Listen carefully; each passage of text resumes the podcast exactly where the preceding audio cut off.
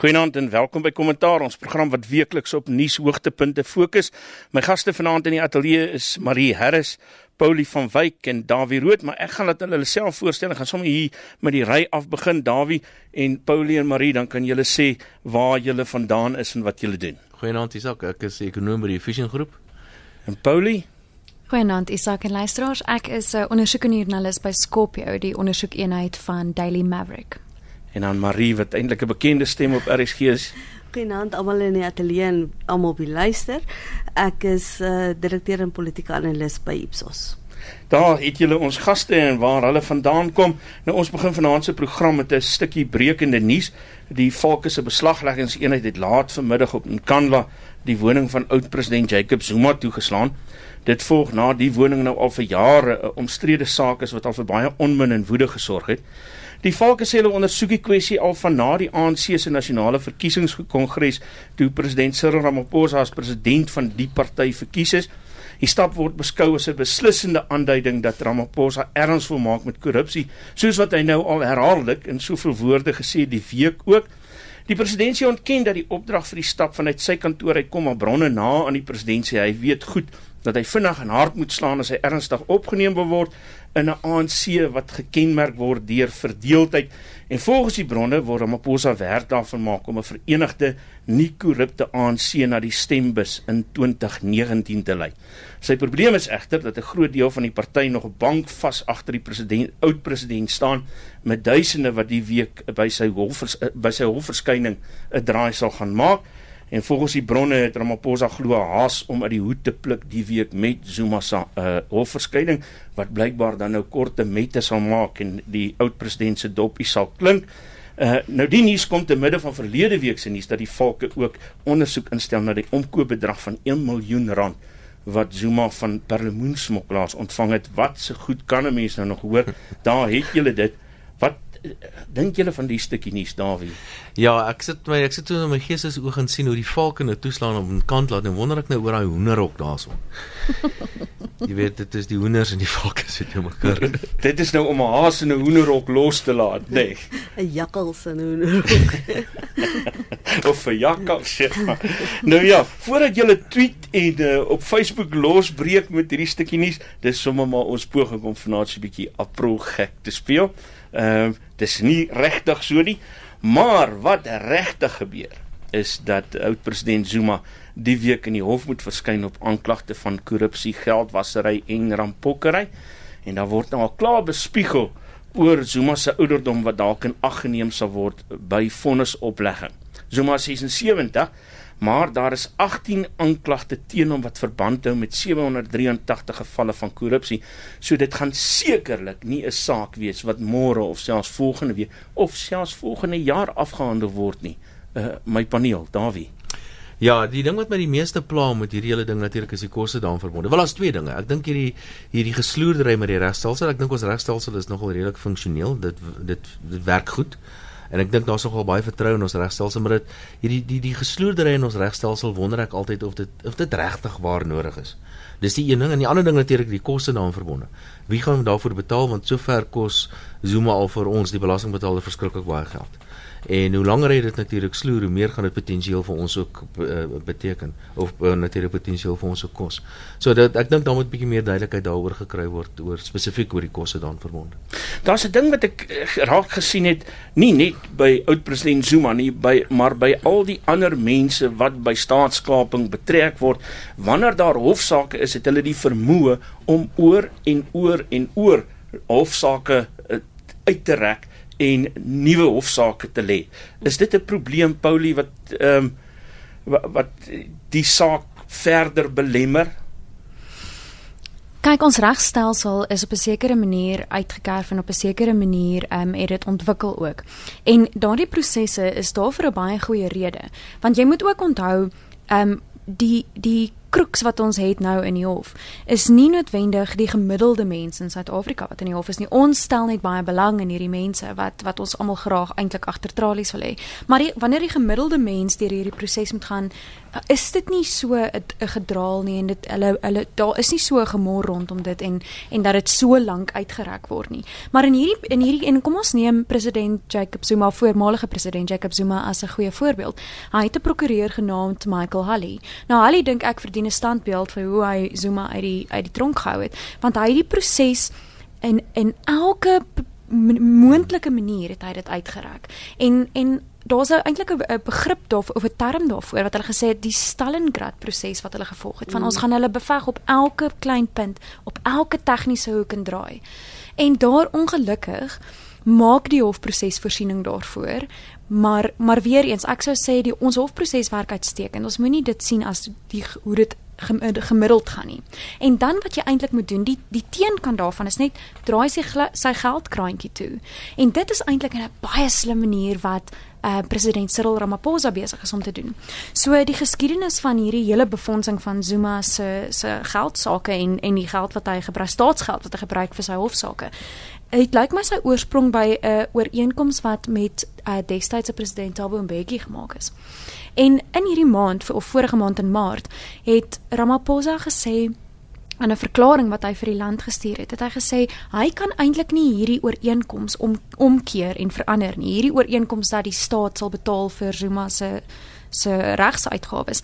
Maar al wat hy kan doen is um, om dit om te keer is dat daar 'n hersieningsaansoek in die hof gebring word om hierdie besluit om te keer en te sê dat dit nie in lyn is met met huidige wet en soos wat dit ontwikkel het nie. En daar het hy eintlik die waarheidsdeure waarwyd oopgemaak vir die vir die uh politieke partye, vir die DA en vir die EFF wat natuurlik toe ook die gaping gevat het en hulle is nou op pad um, om om hierdie saak hof toe te neem en dit te laat hersien en ek is amper oortuig daarvan dat die hof gaan sê dis louter onsin.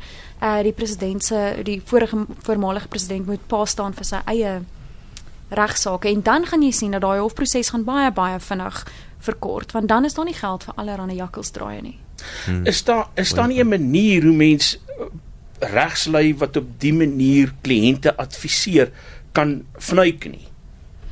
Ek dink jy kan as jy baie slim staatsaanklaer uh, het en 'n baie slim regter het, dan kan hulle dit waarskynlik doen want die regter kan ook weier om die saak ehm um, te verwys na 'n hoër hof uh nie noodwendig alle sake gaan na hoër hof toe nie. So hy kan net sê dit is sonder die keuse van 'n appel of so iets van die aard. So dit kan gebeur. En ehm um, ek stem saam met Paulie dat daar eintlik ehm um, Zuma se regs is 'n geldkrantjie. As dit toe is, dan gaan daar nie veel gebeur aan van daardie kant af nie. En dan ook die verklaring wat gesê het dat uh as hy skuldig bevind word, moet hy alles terugbetaal waar die geld vandaan gaan kom het dit nie gesê nie. Maar nou die ding wat my baie meer bekommer, dit is Maart maand of April maand, die was dit die 1 April vandag. Hm. Ons gaan volgende jaar verkiesing hou. Hierdie hofsaak gaan langer aanhou as volgende jaar se verkiesing. Watter effek gaan dit hê op volgende jaar se verkiesing? En dan ook die hele kwessie van ons weet president um, Ramaphosa het nie die steun van die hele ANC agter hom nie. Hoe gaan hy sy kaarte speel in die jaar voor volgende jaar se verkiesing om nog steeds 'n baie baie goeie uitslag te verseker vir die ANC in die 2019 verkiesing? Ek wil gou vir 'n oomblik stil staan by waar hierdie saak vandaan kom want dit is eintlik 'n ding wat baie baie dieper lê, die kern van korrupsie, die wortel van korrupsie. Ek kyk uh, hierdie week kyk ek eh, 'n reeks, 'n Brasiliaanse reeks uh om meganisme wat handel oor die korrupsie in Brasilië. En ek het geweldig onder die indruk gekom van hoe diep dit lê want kyk Brasilië is mos 'n land wat min of meer met ons vergelyk wanneer dit by vlakke van korrupsie kom. Dalk is hulle so effens beter as ons uh daarmee want omtrent elkeen met wie jy te doen kry in daardie stelsel van onder die die ou wat die uh, straat die gate in die straat regmaak tot bo by die president is korrup en almal soek omkoopgeld. En hoe die polisieman eendag staan by 'n drein wat oorloop en 'n beampte, 'n munisipale beampte wat vir hom sê maar jy moet eers vir my soveel betaal en dan kan ek hierdie ding vir jou doen want daar's 'n paar ander ouens wat ook moet hmm. geld kry. En op 'n manier is Zuma se saak die prentjie van dit wat dieper lê in Suid-Afrika. Kom ons gesels vir 'n oomblik daaroor, Dawie. Weet jy ja, en dit dit is nie net 'n geval van korrupsie nie, dit het ook 'n baie praktiese impak op die op die ekonomie. 'n Baie goeie voorbeeld is wat gebeur het met Eskom byvoorbeeld. En die die die bestuur wat aangestel is, natuurlik die bestuur wat aangestel is by hierdie tipe van instellings is uh, is aangestel met een doel vir oë en dit is natuurlik om die die die patronaat van Zuma te te ondersteun en en te beveilig en natuurlik ook die geleentheid vir Zuma om homself en sy en die res van sy patronaat te, te, te finansiëel te bevoordeel. Maar in die proses wat gebeur, jy stel mense aan wat net eenvoudig nie die vermoë het om groot instellings soos byvoorbeeld Eskom te bestuur nie. En ek het self 'n sommetjie gemaak oor Eskom en as Eskom net beter bestuur was, as ons nie tekort aan elektrisiteit gehad het met die met die wat is dit 2008 al waar dit hmm. waar die ding begin het, ja. dan eh, dan sou die Suid-Afrikaanse ekonomie vandag ten minste 10% groter gewees het as wat dit is. En dit beteken as jy dit nou probeer omsit in in 'n aantal werksgeleenthede, is dit ten minste 'n miljoen werksgeleenthede. En onthou 'n ekonomie is nie 'n ding of 'n 'n Ekonomie is nie net 'n gebeurtenis wat plaasvind nie. 'n Ekonomie is 'n ding wat op homself groei. So as jy verlede jaar of of gister se produksie verloor het, dan het jy gister se produksie vir altyd verloor.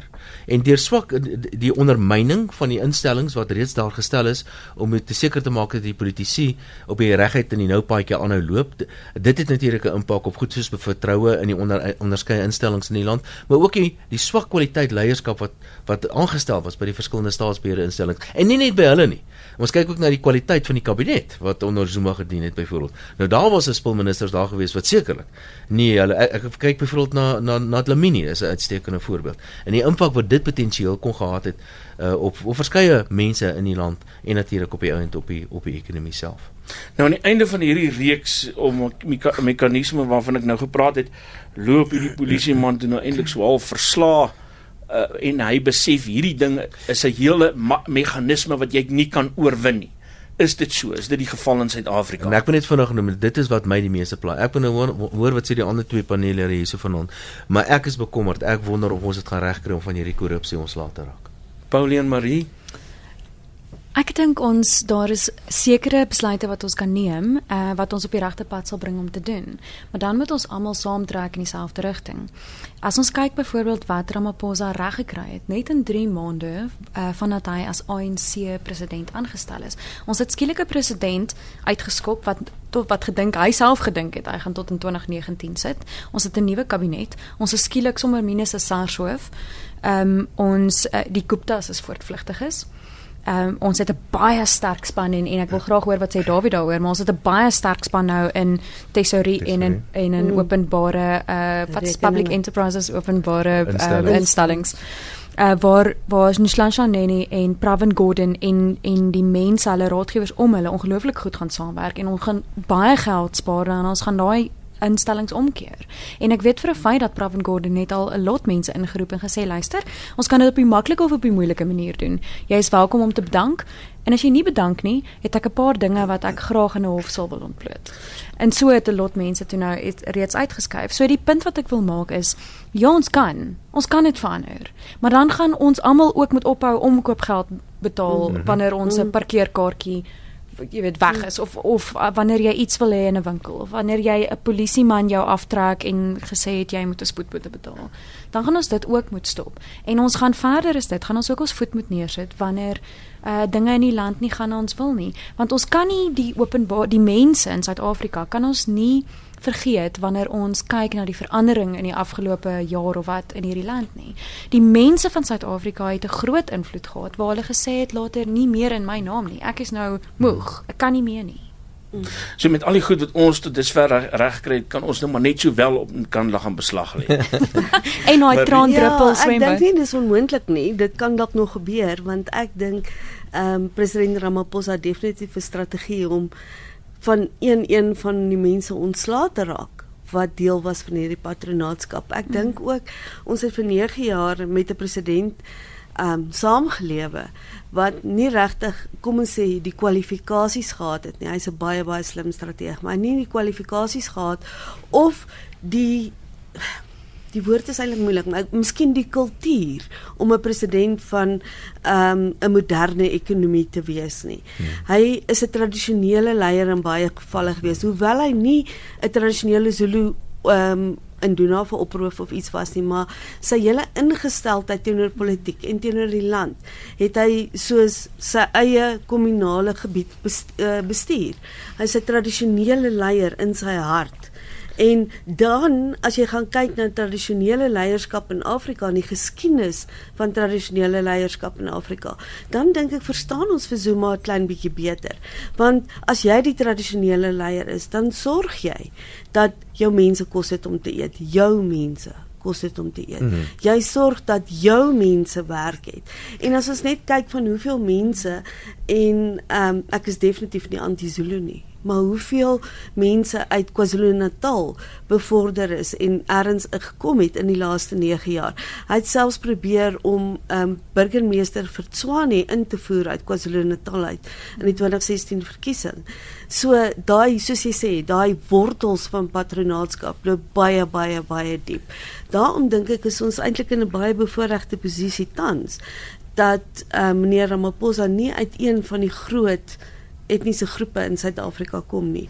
Hy is nie 'n tradisionele uh leier in die sin van tradisionele Afrika leiers nie. Hoeveel mag het uh, oud president Zuma nog aan die ANC dink julle?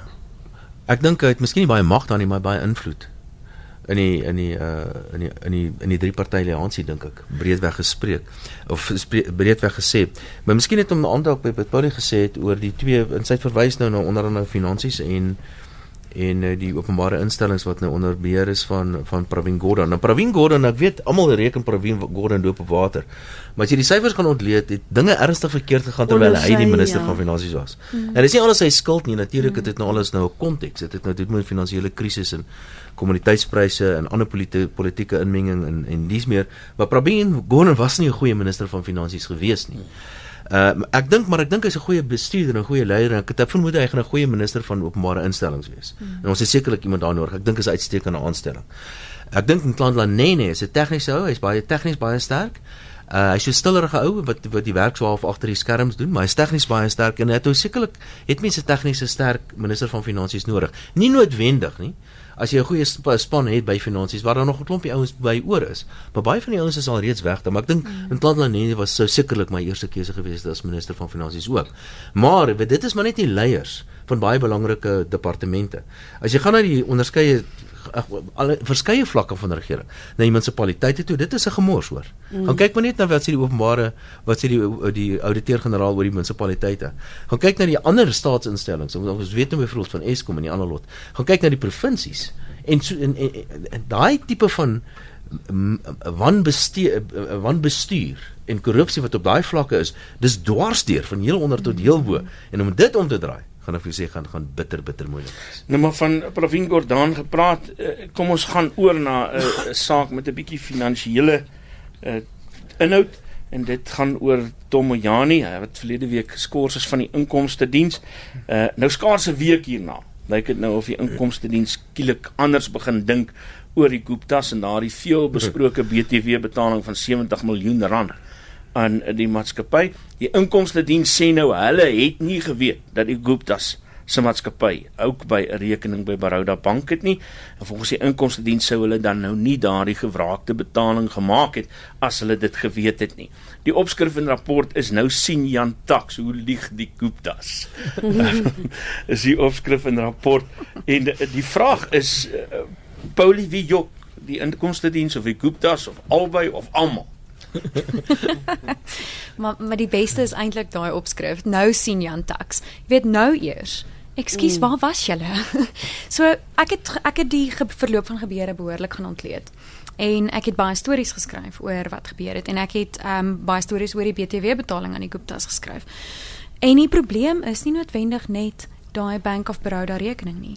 Die probleem is met die hele proses was daar 'n groot probleem geweest. Die nie eers as ons die BTW betaling en of dit wel in 'n derde party maatskappy se rekening moes inbetaal is lank voor ons daai ehm um, uh, wetlike ontleding moes gedoen het of dit toelaatbaar is of nie, jy moes die proses reeds gefaal het.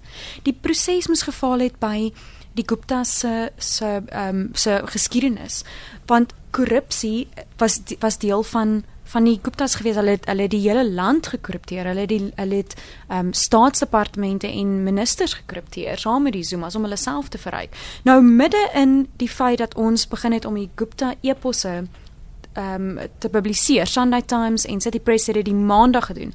Daai Dinsdag en Woensdag besluit SARS hulle maak 'n BTW betaling van 70 miljoen mm. in 'n derde party se rekening. Mm. Hoe dit is mos glad nie realisties nie dat jy kan ons glad nie net by die rasionaliteit daarvan verbykom nie. So lank voor voor hulle eers moes gevra het en watter rekening ons dit moes inbetaal, moes daai betaling geval het. So verduidelik vir ons, jy sê nou jy en ek weet jy het nou baie geskryf hieroor, jy ken as dit ware die intieme inhoud hiervan. Hmm. Vertel vir ons bietjie wat het by die inkomste diens gebeur. Hoe het ons by hierdie punt gekom wat Tomojani ehm uh, nogal ironies genoeg met uh, sommer kort na Ntlanhlaneni se aanstelling as minister van finansies want hulle het mos 'n uh, ook al 'n lekker vee te gaan. Hoe daai goed alles in mekaar gesteek. Ek dink dit behoort nogal vir ons vir, baie van ons luisteraars 'n bietjie interessante binne-inligting te wees. Ja, SARS is 'n ongelooflike goeie geval van hoe dinge baie skielik baie verkeerd kan gaan. So Tomojani word in September 2014 aangestel en onmiddellik het hy sekere mense begin uitskuif soos um Ivan Pillay wat die adjunk um, kommissaris was, Johan van Logrenberg wat die hoof van ondersoeke was, Pieter Richer wat um, 'n hoë pos bekleed het. So so wat wat ek in effek daar sê is dat die mense wat die belasting geken het wat die wat die wat regtig vir SARS geken het is uitgeskuif en die ondersoekeenhede is heeltemal uitmekaar uitgetrek en die mense is na ander departemente gestuur baie van hulle het bedank baie van hulle is sommer net uitgeskop nou om om dit vir jou te kan verduidelik ek kan vir jou vra wanneer laas het ons um, van 'n Dave King gehoor wat moes wat 'n groot groot belastingsaak was. Baie baie lank omtrent 4 4 jaar laas. Ja. Waar waar is die Robert Gwangs in hierdie land wat 'n 3 miljard rand se belastingaanslag het? Dan praat ons nog nie eers van boetes nie. Uh, Mark Liffman wat veronderstel was om al in die hof te verskyn het en wat nou weer jakkels draai gooi. So al hierdie um, al hierdie sake waarvan ons nie hoor nie en en, en sake waarvan wat uh, en en natuurlik die sigaretsmokkelaars selfde dit was net so 'n groot saak al hierdie sake het so amper 'n stille dood gesterf omdat die ondersoekeenhede in SARS toe nou heeltemal wanfunksioneel geraak het want Tomojani het afgesien daarvan dat hy toe mense uitgeskuif het wat weet wat hulle doen het hy begin veranderinge en herstrukturerings doen binne in SARS wat natuurlik uh, baie van die van die jare en eintlik dekades lange ervaring ehm um, heeltemal uitgeskuif het en en 'n wanbalans mm -hmm. amper in SARS ingebring het. Mm -hmm. En wat hy toe ook gedoen het is om vir hom 'n uitvoerende komitee aan te stel. Daar's sewe van hulle. Uitvoerende komitee wat amper niks van belasting weet nie. Dit was in in die plek van mense soos Kosie Lou gewees wat wat uh amper 5 dekades se belastingkennis gehad het, wat internasionale pryse gekry het en internasionale internasionaal geëer is vir hoe goed hy BTW ken en hoe goed hy belasting ken. Is daar toe iemand in wat in haar lewe nog nooit 'n belastingsaak eers gedoen het nie. Sy's 'n gewone prokureur, kommersiële prokureur wat nog nooit 'n belastingsaak nog gekyk het nie. En is sy op die ou einde wat hierdie Gupta betalings goedgekeur het. So wat Tomojani toe gedoen het is om die kennis eintlik uit SARS te laat sypel of uit te skop, doelbewus. En en aan die ander kant het hy begin om die media en om die joernaliste wat begin te begin vra vra het um te boelie letterlik. Ek kan nie 'n beter woord gebruik as net boelie nie. Maar hoe hoe kry mense dit reg? Hoe kry jy dit reg om mense van die kaliber van Johan van Logrenberg ehm um, Kosie Lou wat jy nou genoem het ehm um, en die sulkes uit te werk op maniere dat hulle naderhand net moet opgee. Jy Jacob Zuma aan jou kant. Ja, dit is 'n baie waar ding wat jy sê want want dan kan jy en weer eens Tomojani is 'n boelie. Jy kan hom nie anders beskryf nie. Hy is hy is 'n absolute boelie wat maak wat hy wil omdat hy die regte politieke ou agter hom gestaan het. En die oomblik toe daai politieke ou weg was, dis dit skielik nie meer so maklik nie en toets toets die teenkant weer groter. Hou net in gedagte dat Suid-Afrika se belastingstelsel is besonder komplekse belastingstelsel. Suid-Afrika nie 'n maklike belastingstelsel nie. En my waarheid is dit is van vandag af nou nog moeiliker want ons nou nuwe klomp belastings en nog meer kompleksiteit in die hele stelsel. En om hierdie ding te verstaan, het jy baie jare se ondervinding nodig. Jy moet mm. werklik waar insig en kennis hê en ondervinding hê van hierdie belastingstelsel om om werklik waar al hierdie skuiwergate te verstaan en te weet hoe om die sake te hanteer. Is daar ander karakters by SARS? wat erns ook nog deur die krake moet val behalwe Tomoyani en en die ander wat uh, toe nou die afgelope tyd so bietjie uitgewys is. Hmm, so Jonas Makwakwa is toe nou ook uit. Hmm. Um Jonas wat wat daarvan beskuldig word deur die uh, Financial Intelligence Center dat hy 'n uh, klomp geld in kitsbanke ingedruk het. Jy weet, dit was die en, en hy het nooit hy was nooit bereid om te verduidelik waar kom al hierdie miljoene van hom vandaan nie. En ons het geskryf daaroor en gesê hoe hy selfs 3 tot 2 keer meer per maand uitgegee het as wat hy ingekry het, as wat sy inkomste was. Ek meen ek het nie vir Dawie nodig om te sê dat daar groot probleme is daar nie. So dan is Mkwena is nou ook uit. Ag uh, Makwakwa is uit. Dan Refilwe Mkwena wat die hoof van van uh, regsaake is wat nou in Kosi Lou se plek later aangestel was. Sy het die besluit gemaak uit op die ou einde, sy en Mojani saam om die BTW betaling aan die Guptas te maak. Sy moet beslis ook gaan en dan kan die res van die uitvoerende komitee wat baie min van belastingsaake weet, moet moet ook gaan. Daar's daar is nog mense in SARS wat regtig weet wat hulle doen. Ehm um, maar wat vir my ook belangrik is, is daar is die kroonjuweel in SARS is 'n 'n rekenaar wat met sekere algoritmes ehm um, sekere transaksies reg oor die land wat inkom en wat uitgaan dophou. En daai is ons groot probleem en dit die mense wat met met daai algoritmes en daai rekenaarstelsel werk, gaan 'n prioriteit moet wees. Ons gaan hulle onmiddellik die regte mense daar moet inkry want daai algoritmes sal vir jou 'n skip in Durban se hawe stop en sê al die algoritmes, alles wat ons hierdie rekenaar gevoer het en alles wat ons geleer het en daai rekenaar kon homself leer ook. Dis hoe slim hulle dit geprogrammeer het. Alles wat wat ons weet van ons belastingstelsel en alles wat hierdie skip vir ons sê, sê vir ons dat hier's waarskynlik 'n probleem, hier's waarskynlik iets wat weggesteek word of hier's waarskynlik 'n situasie waar wat wat ons sal moet ondersoek. So stop die skip, kyk na wat wat die skip het en kyk na die dokumente en kyk of alles alright is. Daai so, en en die dit kan nie oorbeklemtoon word oor hoe belangrik daai stelsel is nie. En ek sou sê dit en die leierskap van SARS uh die uitvoerende komitee en die SARS-hoof is die heel belangrikste ding wat ons nou moet doen en dan tweedens die ondersoekeenhede wat die Dave Kings, die Mark Liffmans, die Robert Huangs, die Zumas gaan moet aanvat. Ys Magashules.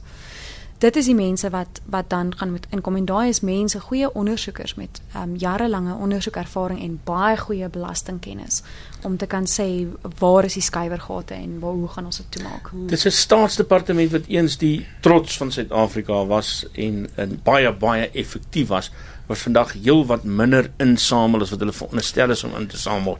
Ja. Ehm um, dan wil ek verduidelik bietjie vir ons wat is die impak van daai Ja, en daar's ook geen vertroue in SARS in die stadium nie. Ja. Dis die groot ding, dis waarom baie mense nie hulle belastings betaal nie, hmm. want hulle het nie vertroue in die stelsel nie. En as jy nie, jy kan maak wat jy wil maak, jy kan die beste mense daarin sit, maar as jy nie vertroue weer opbou van onder af hmm. nie, dan gaan dit nie werk nie. Hoe gaan mens dit regkry? Die regte mense is die eerste stap en hulle moet die vertroue opbou. Ja, natuurlik die effektiwiteit van die staat ook. Weet mense, ons belastinglas in Suid-Afrika is baie hoog. Ons betaal baie belasting. En mm. ons betaal baie belasting deur 'n relatiewe klein groepie mense. So dit is 'n swaar las wat op 'n baie dun basis staan.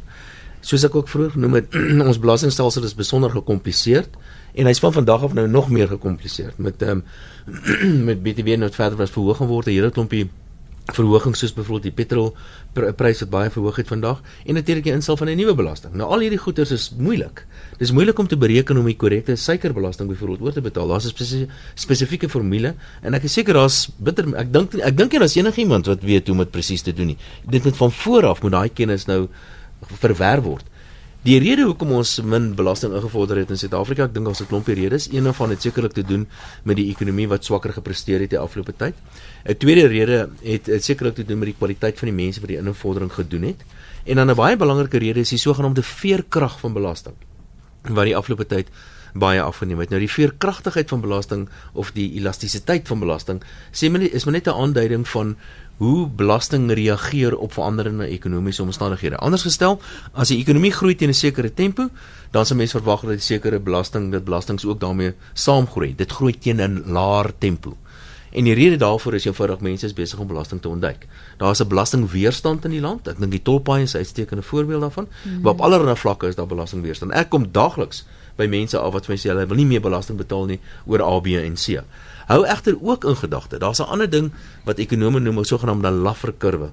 Nou hierdie ding sê vir jou dat as jy die belastingkoerse verhoog, dan gaan jy tipies meer belasting ontvang dan op 'n sekere kol as die belastingkoerse verder verhoog dan ontvang jy minder belasting. Mm. Maar nou raak die belastingstelsel minder effektief. Want om verskeie redes. Mense begin nou aktief belasting te ontduik en dies meer. So daar's 'n kombinasie van 'n klomp goeders wat daartoe bygedra het dat die staat se inkomste die afgelope tyd uh, onder druk gekom het en die kwaliteit van die leierskap by SARS sonder twyfel het 'n baie groot rol daarbey gespeel ook. Nog 'n saak wat uh, die finansiële wêreld kan raak en die gesprek is nou nog ver van klaar af is die oor grondonteiening sonder vergoeding. Die emosies raak net al hoe hoër week na week sedert die bom gebars het en jy Dawie Rood die afgelope week 'n ja. uh, paar sterk punte daaroor gemaak. Ehm uh, vertel gou vir ons daarvan. Ja, ek dink wat belangrik is om te verstaan is die ideologiese omgewing van die of die ideologiese oortuiging van die drie party alliansie.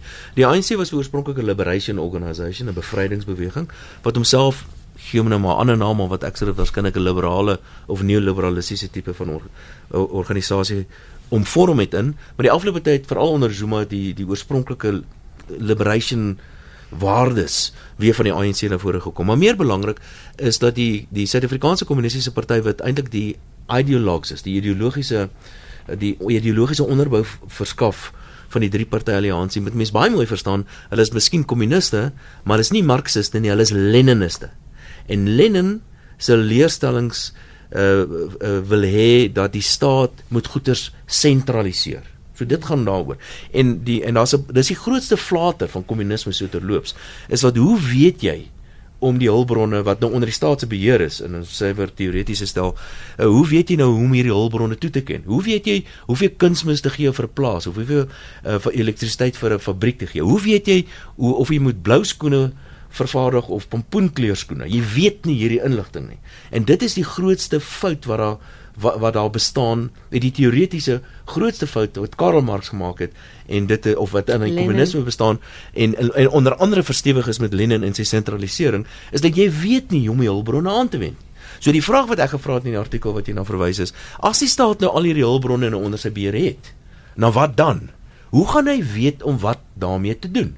Want nog nooit in die geskiedenis het hulle geweet om wat daarmee te doen nie. Die daar's tientalle miljoene mense dood in Rusland en in die destydse um, um, Mao Zedong se China omdat die staat nie geweet het hoe om hulpbronne aan te wend nie en dit toe te ken aan die verskillende produksie-eenhede nie en dit het gelei tot swak produksie en toevallig baie keer lei dit tot oorproduksie ook waar hulle nou te veel goederes produseer en ek het verwys na na 'n geval in in 'n in 'n stad met die naam van Tomsk waar daar te veel titanium vervaardig was as gevolg van die klomp ekonome wat te veel hulpbronne vir 'n fabriek gegee het en toe die sit met hierdie surplus titanium wat die mense gebruik het om Maleisië se dakke mee te bou. So dit is wat ons baie mooi moet verstaan. Afgesien nou van die goed soos byvoorbeeld mense wat hulle grond gaan verloor en emosionaliteit wat daarmee saamgaan.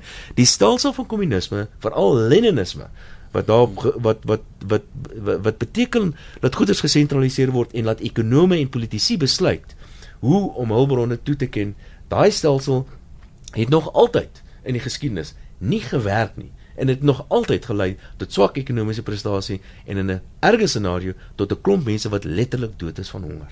Marie Ek dink dit hang saam met 'n baie uh groot birokrasie want dit het hmm. ook in die in die kommunistiese state die birokrasie was so lomp en so groot dat geen besluit wat geneem is ergens uitgekom het nie. En as mens kyk vandag na ons ehm um, is miskien bietjie van die osopias, maar kyk na die grootte van ons ehm um, ons civil service, ekskuus nou die staatsdiens. Staatsdiens, ekskuus tog. Ons staatsdiens, ja. hoeveel mense in die staatsdiens werk en hoeveel mense in die in hoe die hoe groot die staatsdiens was 10 jaar terug en hoe groot dit nou is. Daar's eenvoudig te veel mense in die staatsdiens. Dit is ook een van die redes waarom die grondhervorming tot dusver nie gewerk het nie. Die hele birokrasie om grondhervorming is te lomp, te groot. Niemand weet wat aangaan nie. Die staat het 'n hengselot uh, lot grond hmm. wat hulle nie in staat is om te herverdeel of vir mense te gee of vir mense kaart en transport te gee vir die grond nie. En ehm um, dis eintlik 'n maklike teken om dan te sê kom ons vat die boere se grond uh, wat reeds daar is. En ehm um, wel ek dink die plek om te begin is om vir mense kaart en transport te gee van die plekke waar hulle bly en selfs in die stede want baie mense as ons kyk na die hele ja. uh herverdeling ding wat tot dusver gebeur het die meeste mense wil nie die grond hê nie ja. hulle wil geld gehad het sodat hulle 'n huis kan koop En as 'n mens dan vir ouens in die stede kaart en transport gee vir die huis waarin hulle bly, dan maak jy onmiddellik 'n groot klomp mense 'n liggie op na die middelklas toe. En dit is wat hierdie land nodig het, 'n sterk middelklas. Nie noodwendig klomp klein flentertjies grond wat jy net mielies plant vir jou eie gebruik nie. Uh, die nie net is die stasies baie groot nie, staatsamptenare word hopeloos te veel betaal in vergelyking met die private sektor werkers. Tot tot tot soveel soos wel tot soveel soos 100% dubbel soveel wat die private sektor ekwivalente werkers kry. Maar die gemiddeld is so rofweg 40% wat hulle meer betaal meer word as die staats staats as die gewone private sektor werkers. Maar die die realiteit nou, hierdie geweldige groot staatsdiens wat bitter oneffektief is. Kyk net na die kwaliteit van Suid-Afrika se onderwys met hierdie PIL studie en die in die in die TIMS is 'n ander van die studies wat gedoen word. Dis maar net voorbeelde daarvan, maar die staatsdiens is nie net groot en word hopeloos te veel betaal nie. Dit gaan nog groter word. Kyk maar net na die begroting in die begin van die jaar en dit beteken ons vermydelik meer belastings en die Davies kommissie het nou reeds aanbeveel dat daar sekere belastings oorweeg moet word onder andere 'n rykdombelasting. Daar's net te veel birokrasie. Ja. Maar goed, kom ons kan kyk 'n bietjie anders na die saak. Ons kyk of ons die ander kant van hierdie ding ook kan belig want of ons dit nou wil weet of nie wil weet nie, daar is ander idees hieroor, daar's ander maniere van verstaan hieroor, daar's mense wat anders hieroor praat en daarom dan nou sou jy die vraag kon antwoord op hoekom grondonteiening sonder vergoeding ook 'n noodsaaklikheid is as iemand jou teen 'n muur moet staan maak en sê nee. jy moet hierdie ding nou maak werk kan mens dit doen? Op se as daar nou een ding is wat heilig is as daar nou een ding is wat jy onder geen omstandighede mag aanraak nie dan is dit privaat eiendomsreg in 'n behoorlike funksionerende vrye mark-ekonomie daarmee probeer ek nie sê dit is jy mag nooit eiendom onteien nie. Daar mag redes wees. Ek wil 'n brug bou. Ek het nodig om eiendom te onteien om 'n brug te bou byvoorbeeld. Daar mag redes wees. Maar die privaat eiendomsreg is een van die enkele belangrikste uh, uh hoekstene in enige funksionerende ekonomie. En onthou dit gaan nie net oor grond nie. Dit gaan oor alles. Oor dit gaan oor dit gaan oor alle eiendom. Privaat mm. eiendomsreg is reël nommer 1. Jy vat nie aan privaat eiendomsreg nie. Dit is hoeveel keer by hoeveel lande al probeer en in elke geval was dit 'n gemors geweest en in elke geval het daai ekonomie daaronder. Maar daar's twee ander dinge. In die grondwet maak reeds voorsiening vir onteiening van grond. Soos wat daarby verwys het na Brou of Baai of wat ook al. Ek wonder partymal of ons regtig 'n grondwetwysiging nodig het. Ek dink dit sou nie. So as jy die net eenvoudig die grondwet toepas en die bepalinge wat in die grondwet is toepas, reeds daar is, dan kan jy baie ver kom en dan natuurlik soos wat ons gesê die ellendige birokrasie uitskakel. en aan die ander kant is ehm um, president Ramaphosa het gister of vandag gesê die hele kwessie van grondbesettings en mense wat uh land grabs is is uit heeltemal uit. So ek dink hy loop ook 'n baie baie versigtige ja. uh paadjie tussen al die verskillende emosies oor grond mm. en wat is myne en wat is joune en hoekom is dit joune en nie myne nie. Mm. Kom ons kyk ook hoekom het ding sake skielik ontplof. En kom ons gaan kyk na die politiek en ons stap net so een trap terug.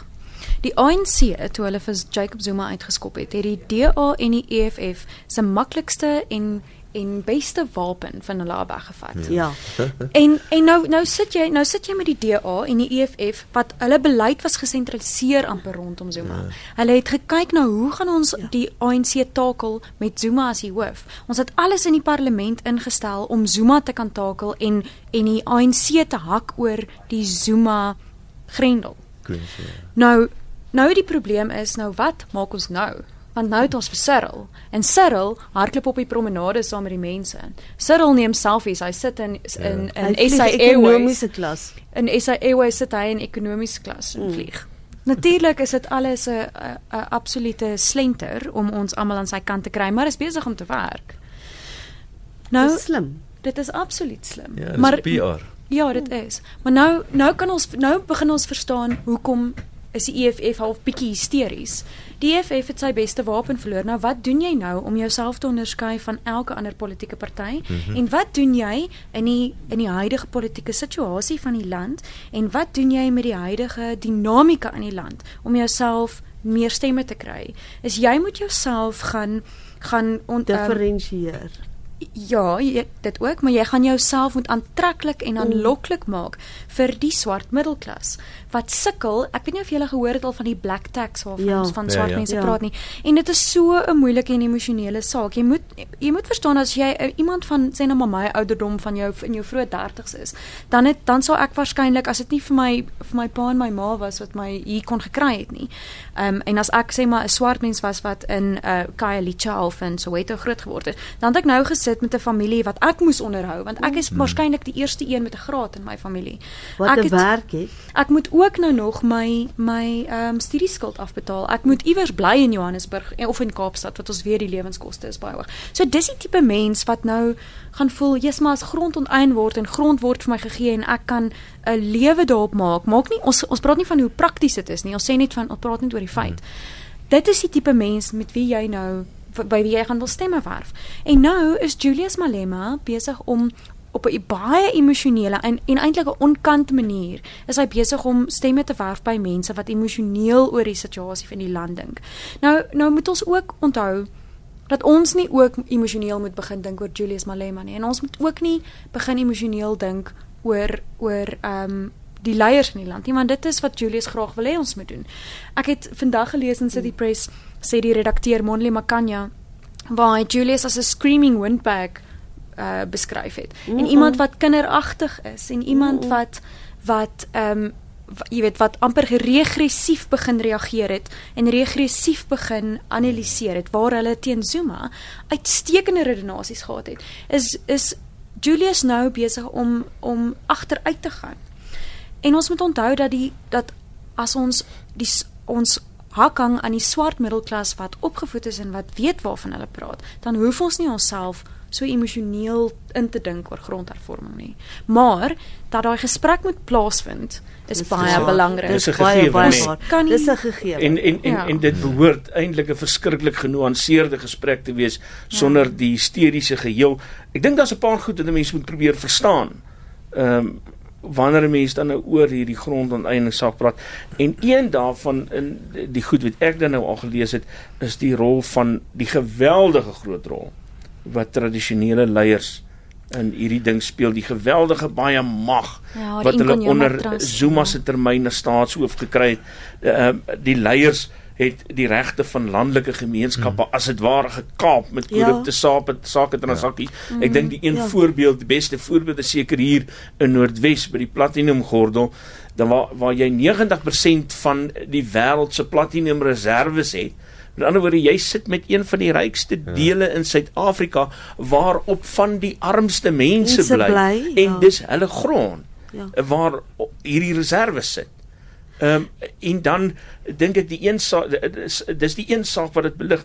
Dan staan uh, Galema Motlanti se verslag wat daai Igonyama Trust waar hy voorstel dit moet uh, mee weggedoen word en hoe die Zulu koning uh, Goodwill Zwelithini en 'n klomp ander tradisionele leiers ja. hysteries te kere Ja. gegaan het. Ehm kom ons gesels gou oor daai rol Ja. van tradisionele leiers en die manier waarop hulle as dit ware grond by hulle onderdane gesteel het. Nou dit is alles daai wat 3 miljoen odd hektaar van die Ingonyama Trust is kommunale grond. Dis grond wat aan die Zulu volk behoort. Maar in hierdie stadium het die koning basies die sê oor wie die grond kan gebruik en hoe dit gebruik kan word. En as ons praat oor grondonteiening, dan is is dit ook 'n baie belangrike deel want soos wat ons weet, in baie van die swart kulture doen die vrouens die plaaswerk. Ja. En dit bring ons by 'n baie ander baie belangrike kwessie uit die hele uh ongelykheid tussen mans en vrouens in plattelandse gebiede. Ehm um, want die vrouens doen die werk, die mans doen nie noodwendig enige plaaswerk nie, maar die vrouens het nie die reg om daai grond te besit nie. Mm. So dis eintlik 'n baie meer gekompliseerde kwessie as net oor grond en kommunale grond en boere se grond en bewerkbare grond. Da, daar's 'n aspek wat wat die politici en ek dink baie mense miskyk en dit is landbou is besig om homself eintlik te verander in 'n primêre bedryf wat soos soos mynbou, mynbou is ook besig om te verander na 'n dienstebedryf. En as jy werklik die werklike waarde toevoeging oor landbou vandag is nie vind nie in die op die grond plaas nie.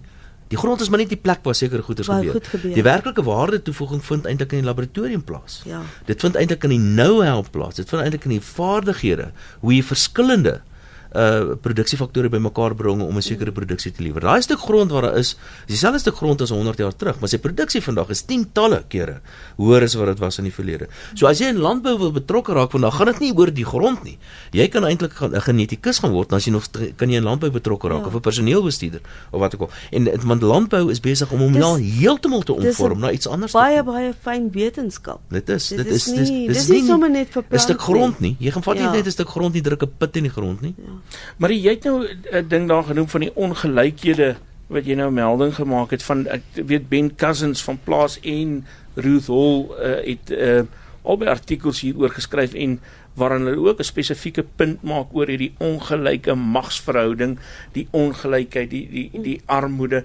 Uh, wil jy nie so 'n bietjie meer vir ons uiteensit hoe hoe diep daai ongelykhede lê nie? Wel, as jy kyk na die na die bevolkingsverspreiding in Suid-Afrika, nou gaan ek sommer net hier oor 'n uh, oor hoofs begin begin praat. Dan in in baie gevalle die mense wat in die in die diep platteland bly, natuurlik is daar mans ook, maar daar is baie ouer dames en jong kinders.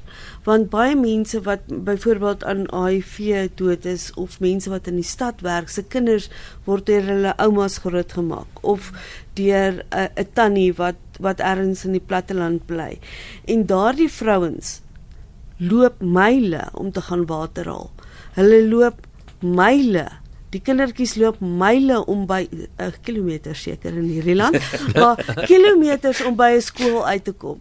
En dit is waar die groot armoede en ongelykheid van hierdie land lê, is in die diep diep platteland waar mense nie ehm um, die voordele het van 'n uh, 'n RDP huis nie. Waar hulle in 'n hut bly met 'n misvloer. En daardie kindertjies het nie altyd die die vermoë om om te kan skool gaan want dit is te ver om te loop vir 'n kleintjie van 5 of 6 om skool toe te loop. Dis eenvoudig te ver. So hulle begin skool gaan as hulle 8 of 9 is. En natuurlik het hulle klaar 2, 3 jaar agterstand.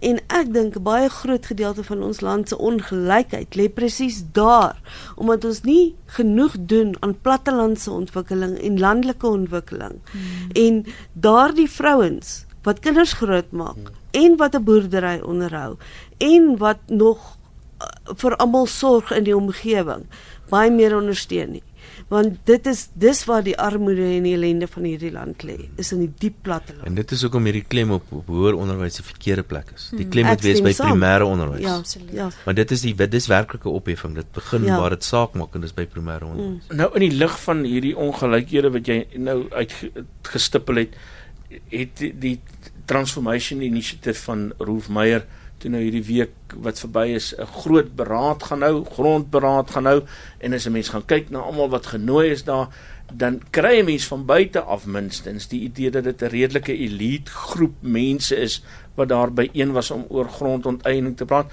Is daar nut vir die spesifieke gesprek wat daar was die week?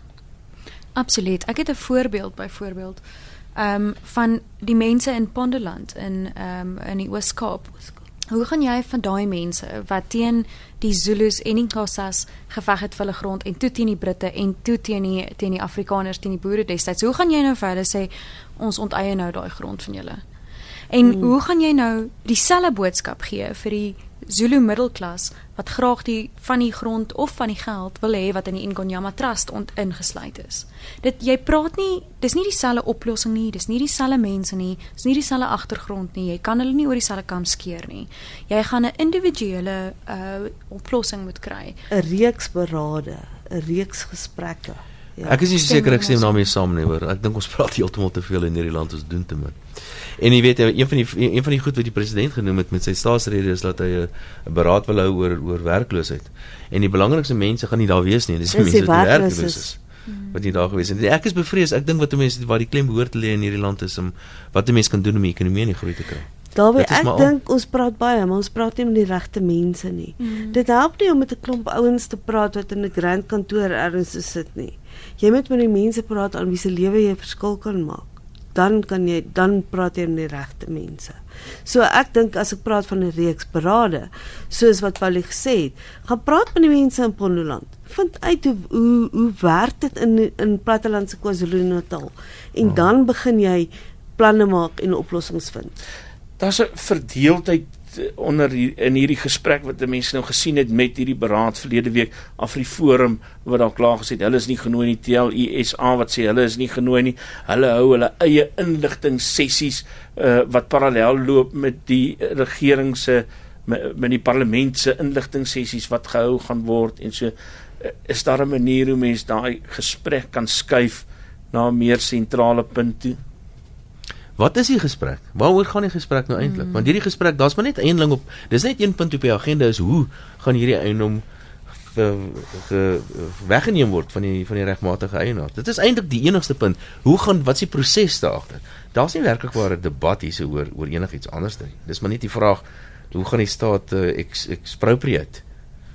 Hoeveel en wanneer? En waar? Om terug na die grond maar dit gaan ook van wie. En so die insette wat al reeds gekry is het het baie gepraat oor nie net uh tradisionele boere in die land nie maar ook oor die die trusts geld soos die Royal Bafokeng en die hmm. Ngonyama Trust en die Pon en Pondoland uh, maar dit gaan ook oor oor hoe jy die die grond in staatsbesit gaan gebruik. En dan is daar nog grond in ander lande se besit in in Suid-Afrika. Um en en Ek hoor wat jy sê Dawie oor die oor die gesprek en te min dinge doen en ek stem met jou heeltemal saam. Maar die ongenade waarmee ons sit in ons land is soveel uh verskillende mense met met soveel vlakke van opvoeding en inkomste en uitkyke in die lewe dat jy iewers 'n middelgrond gaan moet kry voordat jy aan grond enigsins oor grond enigsins 'n besluit gaan maak. Want hierdie so so onemosioneel as wat mense graag daaroor wil praat, so maklik kan ons in 'n amper in 'n burgeroorlog land as ons mm -hmm. nie versigtig is daaroor nie. So op die ou en gaan ons moet 'n gesprek hê met die top en met die onderou oor hoe ons 'n middelgrond gaan vind en wat het jy nodig? Want baie want eintlik wil almal net ryk wees en welvarend wees en ons wil eintlik net dit moet net met ons goed gaan. Nee, ons wil nie noodwendig die grond hê nie. Hmm. Ek wil oor hierdie spesifieke kwessie eintlik nog so baie sê en daar's 'n klomp ander punte wat ek ook sou graag wil aanraak in vanaand se program. Ehm um, ons hanteer dit as 'n gesprek so ek jaag dit nie punt vir punt af nie maar ek sien ons het 8 minute oor en ek weet Dawie wil nog by die belasting uitkom uh, en ons ander sal ook graag wil weet dis vandag die eerste dag van ja. 15% BTW. Hulle kon seker nie 'n beter dag gekies het as die eerste April nie, né? ja, BTW is op. Ehm um, daar's 'n klomp die brandstofheffing is op. Dis 'n spulgoeders op is en dan staan 'n nuwe belasting met die naam van die suikerbelasting. Nou Kom ek miskien net so een of twee goedjies vertel oor hierdie suikerbelasting. Is dat as jy 500 kg of meer suiker per jaar gebruik, né? Nou kyk nou hierso. Dit is nou tipies die benadering van van van ons regering met hierdie spesifieke ideologiese onderbou. As jy minder as 500 kg per jaar suiker gebruik om jou koeldranke te maak, jy het nou 'n koeldrankfabriek of so, dan moet jy net gaan registreer by SARS, okay? Maar as jy meer as 500 kg uh, suiker per jaar gebruik, dan moet jy by SARS toe gaan en jy moet aansoek doen en jy moet 'n lisensie kry. Jy mag nie hierdie goeders doen. Jy mag nie koeldrank maak as jy 'n lisensie het nie. Maar die punt wat ek wil maak hierso. Jy kry nou 'n produktiewe persoon wat sy eie fabriek het en sy eie produksies lewer. Hy werk en hy maak goeders wat mense graag wil hê. Hy produseer goeders. Nou moet hierdie produktiewe ou gaan, nou moet hy na 'n onproduktiewe staatsamptenaar toe gaan en toestemming kry om dit te mag doen. Hmm. Nou dit is die probleem. Dit staan bekend as die sogenaamde licensed rank. Maar dit is wat hulle in in in Indië ook heeltyd het hulle lisensie vir elke ding nodig. Hmm. Nou dit is 'n tipiese voorbeeld van hoe ons om dit nie te doen nie. Jy moenie uh, by 'n onproduktiewe mens op jou knie gaan staan en vra gee my asseblief 'n lisensie nie. Maar intussen wat nou gebeur het, is dat die belastinglas soos ek net genoem het, so gekompliseer en so swaar geword al en nog nog 'n hele klomp ander belastings kom dat ek bevrees is dat die ekonomie alreeds 'n baie bitter duur prys betaal hmm. vir hierdie verskriklike koste wat daaraan verbonde is om net te kan voldoen aan al hierdie vereistes aan hierdie spesifieke belastingstelsel. En die suikerbelasting wat van vandag af ingestel is, is 'n uitstekende voorbeeld. En dit skep eintlik groter teelaarde vir dit, nog meer korrupsie. Laat ek nou verduidelik of jy weet nie jy sê jy weet nie wat gaan aan met hierdie suikerbelasting. Kyk, die eerste net ek nou hoor ook die eerste 2 gram per 100 ml suiker wat in jou koeldrank is, dis oukei. Okay. Dit hoef jy nie op belasting te betaal nie. Maar enigiets daarna betaal jy hoeveel sente wat ek al program wat jy nou moet nou moet jy hierdie spelletjie gaan bereken nou elke keer hoor. Weet jy wat so werk is dit? Weet jy hoe gekompliseerd is dit hoekom koukele botteltjies kleiner en, gemaak het? En nou moet jy nou 'n klomp inspekteurs kry wat nou moet weet hoe werk hierdie spelletjie om jou suiker te kom toets. Ek meen dis 'n nagmerrie. Dis nog 'n nagmerrie. Dis dis nog 'n groot nog groter drako ja, nanny staat. Uh, en die volgende ding is is vetbelasting op op op vette. Dis wat die minister graag wil hê, hoor. Dan moet jy moenie te veel in sout. Dis nog 'n belasting. Jy moenie te veel sout in hê nie, want jy gaan bloeddruk hê en dan gaan jy doodgaan aan bloeddruk. Jy moenie te veel vet eet en jou are gaan toestop, dan gaan jy dood aan 'n ander ding. So dan gaan hulle gaan alles belas in die toekoms. Want hulle weet baie beter as ek en jy, hoor. Omgewingsbelasting Ons het 'n klomp omgewingsbelastings. Ja, die, uh, die die die soos ons byvoorbeeld die suiker die die die die die plastiek sakkie belasting. Dis dis nog 'n goeie voorbeeld. Onthou nou, die oomblik as 'n politikus vir jou sê ek gaan 'n ding belas, want ek gaan hierdie geld gebruik om een of ander iets te bereik. Uh dan moet jy weet daai politikus lieg vir jou, want dit werk nooit so nie. 'n Goeie voorbeeld is byvoorbeeld ons uh, brandstofheffing op petrol. Hmm. Die brandstofheffing was aanvanklik ten doel gehad om om paaie te bou. Maar wat het toe gebeur? Dit het deel van die pot geraak. Hulle gebruik dit vir allerlei ander twak en nou is daar 'n ekstra belasting met die vorm van van die tolpaaie. Dis eintlik 'n belasting vir, vir, vir geprivatiseer. Die plastiese sakbelasting. Die idee van die plastiese sakbelasting is dat hulle gaan 'n belasting daarop hef, dan gaan hulle allerlei versamelpunte bymekaar kry sodat ons nie hierdie plastiese sakke oral rondgooi nie. Dit gaan gebruik word vir die omgewing. En wat gebruik toe? Wat gebeur toe? Dit word maar net deel van die pot. En so sal elke nuwe belasting wat ten doel het om iets spesifieks te bereik, word dit maar net naderhand net 'n bron van inkomste vir die staat. Kom ons sluit af met ehm um, die storie wat ons vroeër ook al aangeraak het, president Cyril Ramaphosa wat in 'n briljante beeldpoets loopie daar in Saf Air se vliegtuig gesit het. Meer as die helfte van die passasiers het selfies saam met hom geneem en uh, almal is baie gelukkig. Kyk, daar's mense wat sinies sê dit is nou regtig 'n beeld poetsery. En en hulle is waarskynlik reg, maar dit lyk of dit werk want mense hou daarvan. Maar nou sien ek op Facebook iemand sê hulle het gister die president se blou lig kavalkade daardeur Nelspruit sien ry. Die groot allemintige kavalkade wat onder president Jacob Zuma opgebou is. Ehm um, sou die president nie dalk goed kon doen om ons 'n bietjie ja. hierdie ding te verklein nie want hy sit met 'n regtig groot begroting vir beveiliging, nê? Kyk, ons weet nie wat agter die skerms aangaan nie, nee. So ons weet ook dat Cyril Ramaphosa in 'n stadium was sy sy leiwag se kar gekaap. So rukkie terug, net voordat hy ingelyf is as president van die land. So so hou ook dit in gedagte. Ehm um, onder president Zuma het daai kavalkade daarin buite proporsie gegroei. Hmm. Dit is inderdaad ja. so. Sover ek weet het hulle dit bietjie begin verklein en ek het gister terug op pad Vrystaat toe het ek uh, uh, twee karre, so swart karre gesien, die een met blou lig en die ander een wat duidelik sy leiwag was en hom so half gevolg het. En net twee. Jy weet so en daarmee kan daar Maar dit is seker burgemeester. ek hoop nie so nie. Maar maar maar is goed om weer hier te praat. Dis ook jy moet Ja, jy moet daar jy moet daar praat, jy moet daar vra vra. Ehm maar partykeer is is daar ook goeie redes vir van daai goed. Dis dis die waarheid. Nou 'n een stukkie ander goeie nuus net voordat ons klaar maak is dat uh die nuutste ehm um, navorsing ons doen elke elke maand vra ons mense wat dink hulle oor uh, of die land in die regte of verkeerde rigting gaan. Nou vir 'n baie lang tyd het niemand in Suid-Afrika, niemand gedink die land gaan in die regte rigting nie. Dit was nie onder 30%.